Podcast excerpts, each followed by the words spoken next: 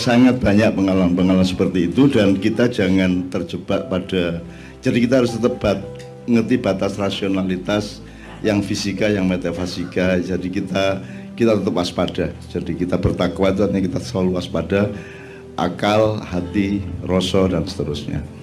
Uh, sebenarnya tidak hampir tidak ada tempat di mana kita tidak digangguin sebenarnya. Kalau waktu di Tuban yang untuk semua itu kan karena mereka tidak rela pada bupatinya karena dia akan menjadi bupati lagi dan seterusnya terus kita yang kena.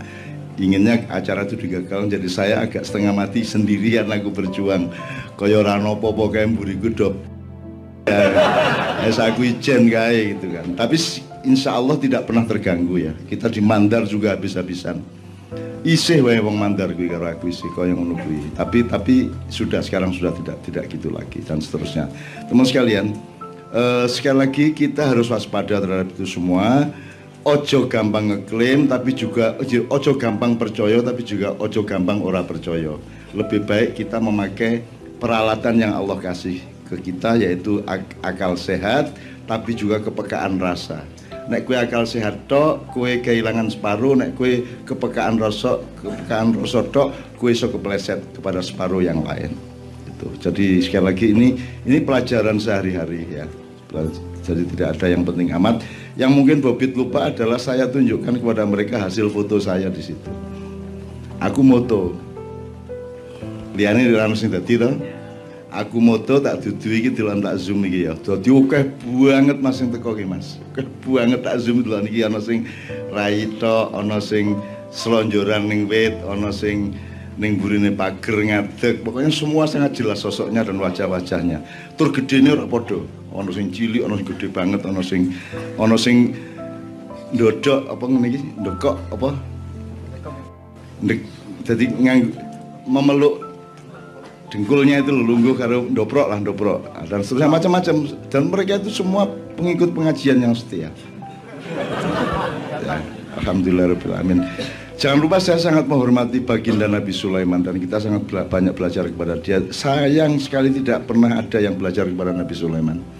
Di, paling pol mengagumi dan memitologisasikan Nabi Khidir ya, yang peristiwanya sangat sekilas. Itu pun tidak dipelajari secara ilmiah gitu ya. Oke, ini banyak kita bisa omongkan kapan-kapan kita tambahi lagi tapi untuk pembelajaran kejernihan agar menemukan pas dan kesempurnaannya masing-masing. Saya sekarang sekilas menjawab. Uh, jadi Mas yang dari Imogiri di Kota Gede, saya tidak pernah datang ke dalam mimpi Anda. Yang terjadi adalah Allah menghadirkan saya ke dalam kesadaran Anda. Nah, nek aku teko tenan kue ora dalam keadaan turu kan kue geblak akhirnya meng, meng semaput. Makanya Allah menghadirkan saya ke dalam mimpi Anda, tapi bukan saya hadir ke mimpi Anda, itu kan semua Allah aja itu, kan itu. Maka di situ ada tuntunan dari Allah, ada tanda-tanda, ada amsal, ada hidayah. Nah, dari apa yang Anda alami mengenai apa jenenge? kerikil ya, misalnya kerikil. Ya. Berarti Anda orang yang harus gemititi kue kurang gemi kurang titi kue iki. Kue iki sok ngeremehke sesuatu yang yang menurut pendapatmu saat itu tidak terlalu penting. Ah mengkerikil gitu kan. Padahal kerikil itu kerikil itu tidak ada barang tidak penting ya. Robbana ma khalaqta batila. Jadi jangan pernah meremehkan apa-apa jadi selalu gemi titi nas titi gitu ya sebelumnya yang sebelum kerikil apa tadi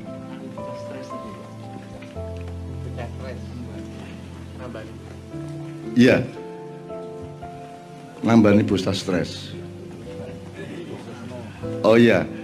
Jadi tingkatkan kedekatanmu dengan anak-anak kecil. Ya, karena anak-anak kecil ini sebenarnya adalah kariermu, kariermu ya.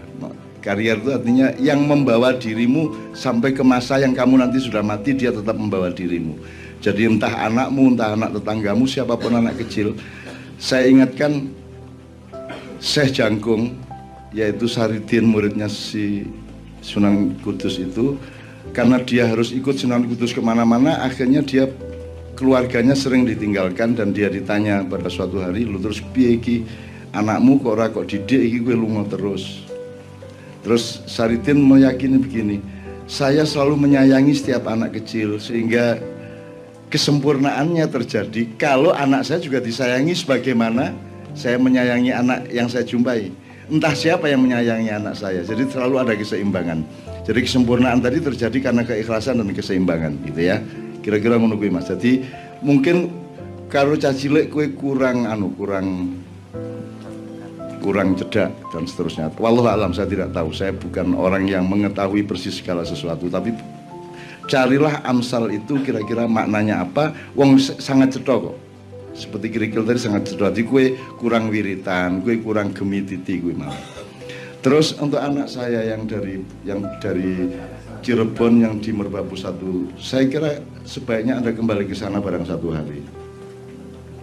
Satu hari anda selalu apa namanya? Anda selalu membaca Bismillahirrahmanirrahim sampai ke sana, sampai sana kamu ambil air, kamu baca ayat kursi, ya paling ora ping songo walaya hifdumanya diulang sembilan kali itu kemudian Nyun Sewu ini bukan mistik, sama sekali bukan mistik. Ini tanda kepada Allah, cara kita berdoa kepada Allah. Ya, dan kita ini khalifah, jadi kita ini tangan panjangnya Allah sebenarnya kan gitu. Dan kita, karena kita tidak berkuasa, maka kita memohon kekuasaan Allah dengan tanda-tanda itu. Ya, sama dengan air tadi. Kalau air air ditiup kemudian partikelnya komposisinya menjadi berbeda maka dia punya daya ya punya daya untuk misalnya menyembuhkan itu fenomena itu sudah ada pada air zam-zam. Air zam-zam adalah air biasa yang oleh Allah diberi perintah. Jadi sing nyuwuk ke Allah dewe maka ya yang nyuwuk air zam itu Allah sendiri diperintahkan untuk menyembuhkan orang yang meminumnya. Kan begitu. Sehingga ada fenomena itu ada klausul itu dalam kehidupan. Kalau Anda sekarang air zam-zam banyak dijual di mana-mana dan belum tentu air zam-zam, maka zam-zamkan sendiri. Dengan kepercayaanmu kepada Allah, dengan tajalinya Allah kepada dirimu, dengan kehendakmu yang ikhlas, yang tulus kepada Allah, maka zam-zamkan air itu. Ya. Kamu meneruskan apa yang dilakukan Allah itu sendiri. Gitu. Ah. Anda baca itu, kemudian di gerbang desa itu Anda biurkan ya. Kalau ada beberapa titik di misalnya di perempat ya di empat titik ya empat titik segi empat di desa itu. Kemudian supaya anda menjadi pengawal selamanya bagi nasib orang itu dari generasi ke generasi di desa itu. Kemudian anda ketemu sama anak-anak kecil dan anda melihat anda membaca mereka dan doakan kepada Allah Subhanahu wa taala agar mereka menjadi orang-orang yang akan menjaga daerah mereka, orang yang akan menemukan hidayah Allah di daerah mereka dan orang yang akan menjadi pelopor bagi pembangunan-pembangunan yang baik di masa depan di desa itu. Kalau Anda sudah lehal dari merbabu itu, nah Anda akan menemukan di Cirebon nanti. Anda akan menemukan akurasi itu di Cirebon. Jadi mindsetnya berangkat dari torikot Anda di merbabu itu. Nanti di Cirebon Anda akan menemukannya, Anda akan melihat apa yang harus Anda lakukan, Anda akan dipertemukan oleh Allah. Itu ya dipertemukan.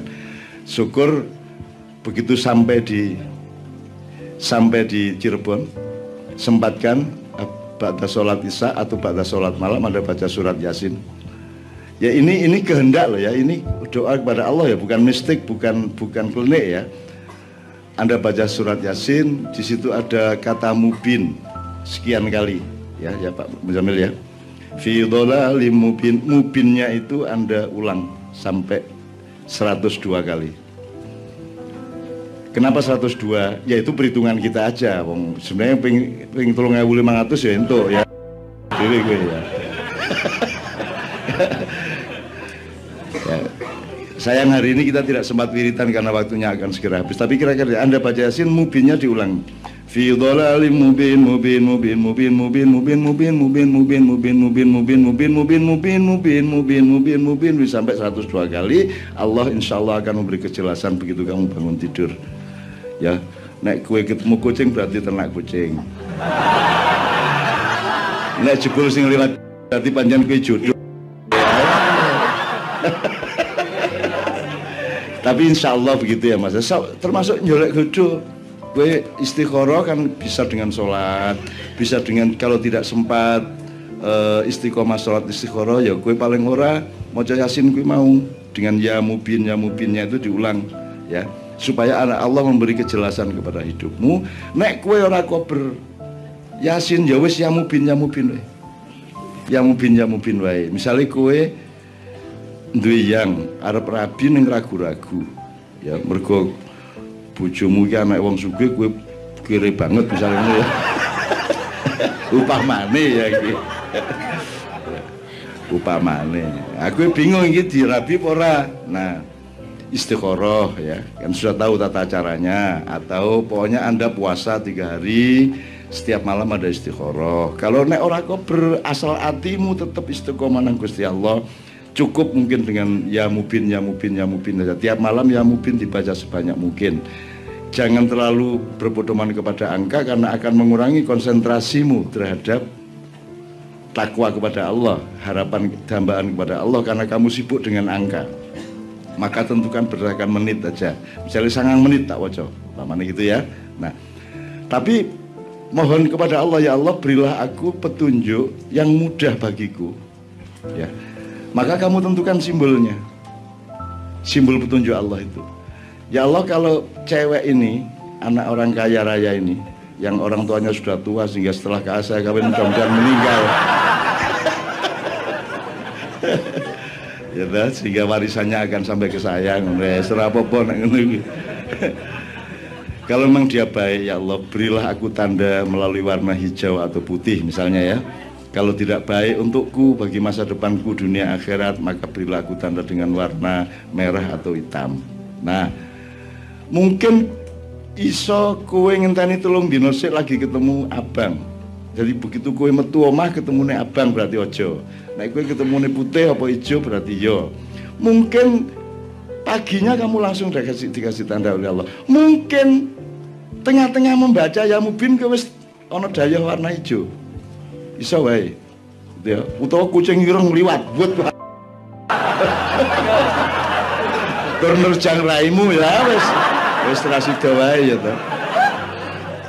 Mungkin saja sebelum kamu membaca sudah diberi tanda. Why not? Kenapa tidak kalau Allah mau? Ya. Saya punya banyak cerita mengenai itu tadi. Saya punya banyak cerita mengenai bahkan sebelum yang saya kasih itu disentuh, Allah sudah memberikan kabulnya. Nah, ini ini banyak cita-cita seperti itu dan itu semua kekuasaan Allah dan sama sekali saya tidak punya kekuatan apa-apa. Saya sama sekali tidak punya kuasa apa-apa. Mohon itu diingat. Jadi kita tidak pernah sempat untuk GR pada apa pun yang ada pada kita karena semua yang ada pada kita adalah milik Allah Subhanahu wa taala. Ya asal tauhid ini Anda jaga insya Allah akan lebih dimudahkan oleh Allah. Ngono ya ya. Ya Mas ya bismillah ya.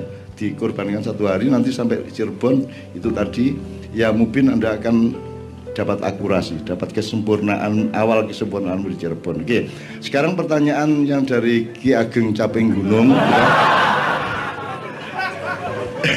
Pak Muzamil nanti tolong ikut menjawab. Saya kira ini yang terpenting. Anda ini seorang filosof dan penyair. Gue mau tulisan apik banget loh, gue Allah, apakah cuma begini hidup ini? Naik motor sampai ke Bangju.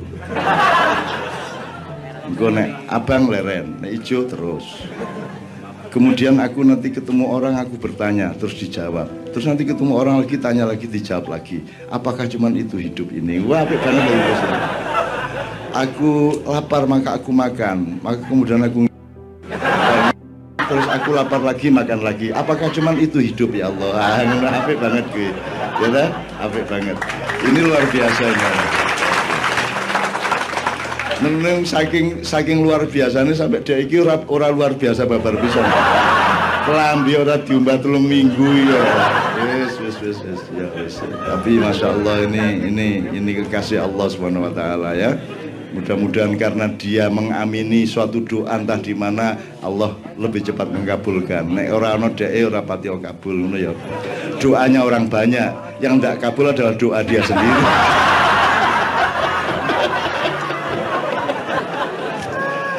Ya Allah, senengnya ya. Bahagia ya, bahagia Mas ya. Amin ya rabbal Amin, Pak Muzamil. Sekarang tepuk tangan untuk terakhir Pak Muzamil ya.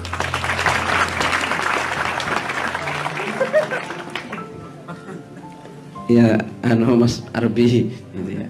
Jadi supaya tidak hanya itu saja ya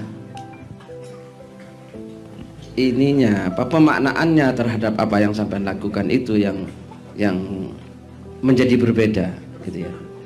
Jadi bukan kok hidup hanya makan terus sehat terus sakit berobat. Itu itu jangan peristiwa materialnya. Kalau hanya menjadi peristiwa material kita itu hanya terjebak pada rutinitas. Tapi harus ada pemaknaan spiritual. Di situlah wa ma jinna wal insa illa bukan pada makannya bukan pada tidurnya bukan pada kawinnya. Gitu ya bukan punya beranaknya bukan pada lampu merah dan hijaunya tapi kepada lihat budunnya tadi itu loh jalankan itu semua dalam pengabdian kepada Allah Subhanahu wa taala dan itu hakikat hakikat hidup itu Mas Arbi oke ya Nah masalah kapan merah abangnya, kapan kita merah, kapan kita hijau. Yaitu syariat itu. Kalau haram itu mi merah. Kalau wajib atau sunat itu hijau, gitu loh. Kalau makruh itu ku kuning, gitu. Oke? Okay? Ya itu. ya, itu syariat Allah. Jadi kita harus berdoa dari itu. Nah, ya kalau masalah kesurupan itu kan itu macam-macam sebabnya. Jadi memang jin itu disebut dalam Al-Qur'an. Al-Qur'an itu sudah ada surat Al Al-Jin. Jadi bukan bukan kelendek jin itu, ya. Jin itu memang sungguh-sungguh ada Al-Qur'an wa ma khalaqtul jinna wal in insa. Dalam surat Al-Jin Allah berfirman itu ya, "Qul uhiya ilayya annahu istama'a nafarun minal jinni faqalu inna sami'na qur'anan ajaba yahdi ila rusdi fa amanna bihi wa annahu ta'ala jaddu rabbina mattakhadha sahibatan wala walada dan seterusnya wa anna minna salihuna wa minna duna dzalik kunna tara'iqa kidada. Itu firman Allah. Eh firman Allah jin menyatakan wa anna minna salihun dan sesungguhnya di antara kami para jin itu ada yang soleh wa anna wa minna duna dzalik dan di antara kami yang tidak so soleh. Kunna tara'iqa kidada kami itu punya jalan yang bermacam bermacam-macam jadi yang kesurupan itu bisa karena cinta kepada yang disurupi. Bisa. Bisa karena memusuhi gitu ya, kesurupan itu. Jadi macam-macam. Kalau karena cinta itu sebetulnya kalau diolah bisa menjadi kekuatan. Jangan dikira banyak kiai itu yang juga kekuatannya berdasar dari situ, tokoh-tokoh itu, gitu ya. Meskipun harus bisa mengatasi, kan begitu ya. Tapi ada yang karena permusuhan, kalau karena permusuhan akibatnya buruk itu. Terus ada yang karena tadi kata Mas Adit itu karena tempatnya jin kita gang kita ganggu disuruhi maka dalam dalam apa dalam ilmu apa toharoh itu kalau dalam Islam kita kan tidak boleh kencing di, di lubang. Jadi kalau ada tanah lo, berlobang tidak boleh kita kan kencingi. Khawatir itu tempatnya jin. Itu kalau memang tempatnya jin sampai kencingi, nah jinnya ngamuk bisa burungnya sampean yang di nah itu ada jin ya gitu ya. Jinnya bisa ngamuk atau buang air besar di situ itu bisa bisa bermasalah dengan jin. Atau juga kalau dalam dalam ilmu tohoroh juga kita tidak boleh apa itu beristinja memakai tulang ya jadi tulang itu tulang bisa kita buang air terus untuk menggosok apa kotorannya pakai tuh tulang. Itu tidak boleh karena tulang itu makanan makanan jin. Jadi dulu jin itu pernah matur kepada Rasulullah minta dikasih makanan. Maka oleh Rasulullah jin itu dikasih tuh tulang. Nah itu ya. Jadi tulang itu bagian dari makanan jin. Itu masalah masalah kesurupan. Terus tapi ada sebetulnya ada yang lebih penting lagi yang mau saya sampaikan. Itu jadi tadi ini meleng apa ya saya anu mas mas Sigit itu gitu ya. Saya malam minggu kemarin saya kan ke Bali. Dan alhamdulillah saya berkesempatan makiyahan ber, berempat dengan gurunya beliau yaitu Umbu Landu Paranggi. Mulai jam 12 malam sampai hampir hampir subuh. Itu beberapa waktu yang lalu mudah-mudahan ini nanti terwujud mudah-mudahan ada gantinya nih memang. Saya dari apa yang dikatakan Mas Sigit tadi loh. Jadi Umbu itu cerita tanggal berapa? 18 Oktober sampai setengah bulan Umbu itu sakit gitu ya. Karena Umbu itu sebetulnya punya keinginan yang belum disampaikan kepada beliau. Ya, yang beliau menyebut Bahnon ini M jadi saya belum sempat nyampaikan ke M. Jadi Umbu itu sudah punya rencana tanggal 27 Mei 2018 maunya mengundang beliau ke Bali gitu ya bersama seseorang yang tahu rahasia di Indonesia. Karena orang tersebut 13 tahun di Leiden. Dia sudah membaca semua apa yang ada di perpustakaan Leiden. Maunya tanggal 27 Mei besok 2018 itu beliau ini mau diundang ke Bali apa namanya itu? Dia suruh bicara bicara dengan rana namanya Guspal. Guspal. Guspal ini Palguna namanya.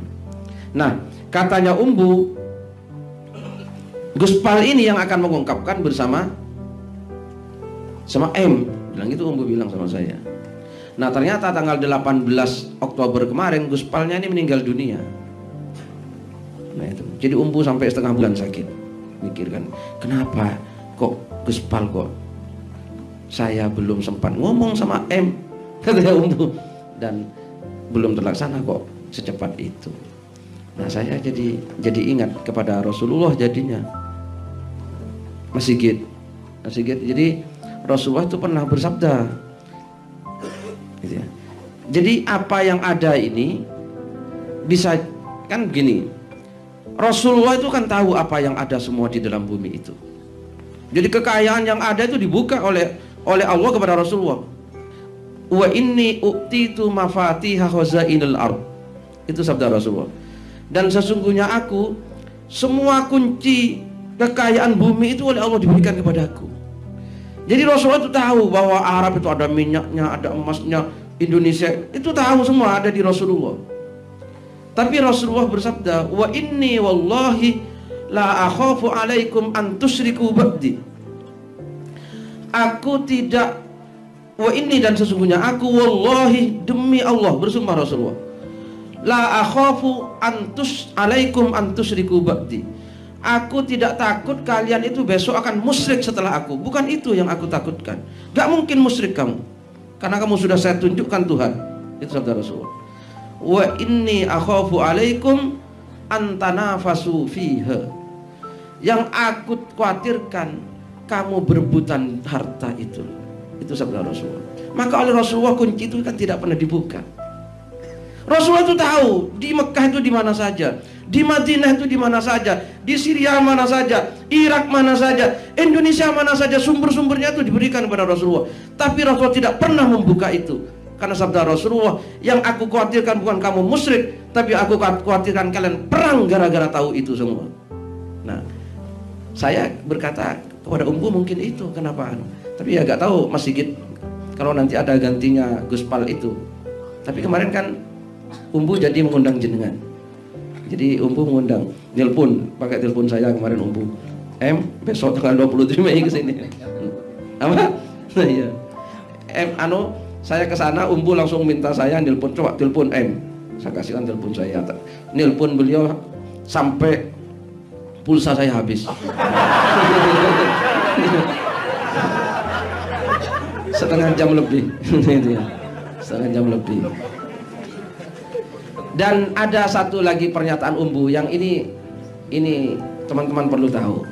Ya, saya jadi tambah lengkap tadi karena Mas Islami sudah juga menyatakan.